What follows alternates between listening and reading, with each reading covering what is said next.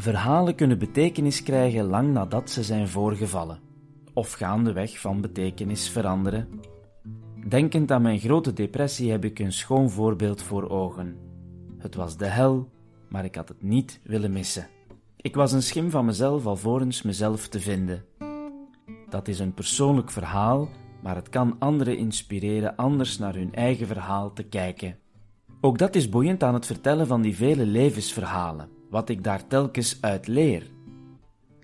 Toegegeven, er is veel gelijk. Zo goed als iedereen viert feestdagen, bijzondere verjaardagen al zeker. Zo goed als iedereen koestert herinneringen aan de jeugd en vakanties. Zo goed als iedereen probeert eigenlijk gewoon gelukkig te zijn. Pech in de liefde, ernstige ziekte en de dood van geliefden vormen daarbij voor zo goed als iedereen herkenbare struikelblokken. Is het dus wel een goed idee om in een individualistische wereld op een allerindividualistische wijze naar het leven te kijken als de dood is aangekomen? Als dat individualistische niet kan worden overstegen, dan missen we inderdaad een kans, denk ik. Als dat wel lukt, zien we een zee van mogelijkheden. Levensverhalen geven in woorden een portret. Een foto is natuurlijk erg krachtig, maar woorden zijn dat ook. Zoals een portret van iemand uit je familie herkenning kan oproepen en een gevoel van thuiskomen, kan een verhaal dat ook. Als je dan kan beluisteren of lezen hoe iemand voor je geleefd heeft, kan je daar iets van opsteken. Als je kan lezen of horen hoe iemand voor je heeft moeten zoeken naar de juiste weg in het leven, dan kan je daar iets van opsteken.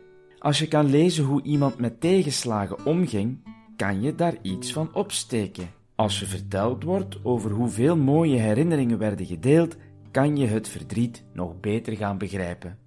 Als je dus weer kan lezen of horen hoe mooi het leven samen was, kan je naast de pijn rond het gemis ook weer dat mooie herbeleven.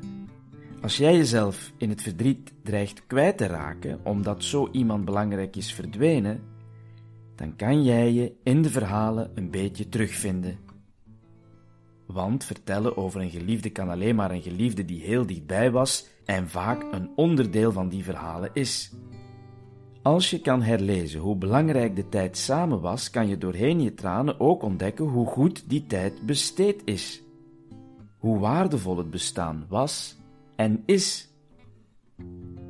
Want wat een ander voor jou betekende, kan jij ook voor anderen betekenen. Een voorbeeld nemen aan verhalen is dus nog zo'n voordeel. Al mag het ook gezegd, er zijn natuurlijk ook gevallen waarin je vooral een voorbeeld neemt van hoe je het liever zelf niet wil doen. Dat zijn dan moeilijke verhalen. Vaak niet zo leuk om vaker aan te halen. Maar als je gaandeweg je eigen leven, midden in je eigen parcours, zo nu en dan het pad van een ander kan openslaan om erin te lezen of er naar te luisteren, dan kan je ook de magische kracht ontdekken dat verhalen van betekenis kunnen veranderen. Wat een zwaar leven was, wordt met betere inzichten begrijpelijker. Wat eerst zoveel pijn doet, geeft later kracht. Wat plots eindigde, blijft een levenslange en mooie herinnering. Een fijne tijd, een geliefde, is verloren. Maar terzelfde tijd blijkt, al is het op een andere manier, dat er toch heel wat goed bewaard is. Zo kunnen dus verhalen van betekenis veranderen of hun betekenis krijgen wanneer je daar klaar voor bent. Al die verhalen die ik vertel, wat ligt er niet in besloten zonder dat iemand het doorheeft op het moment dat het wordt verteld, zonder dat de verteller het doorheeft? Ik ben benieuwd hoe ik later op die vele verhalen zal terugkijken en wat ze nu al weten, dat ik pas dan zal begrijpen.